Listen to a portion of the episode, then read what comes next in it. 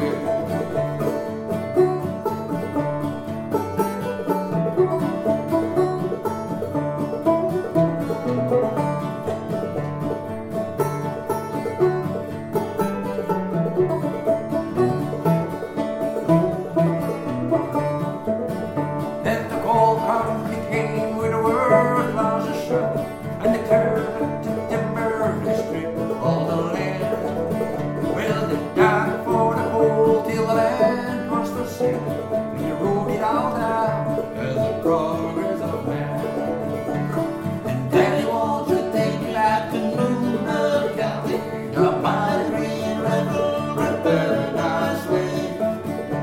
I'm sorry, my son, you're too late in asking Mr. Bean all this old friend is hauling away. When I die, let my ashes flow down the green river, let my soul roll on to the rush yesterday.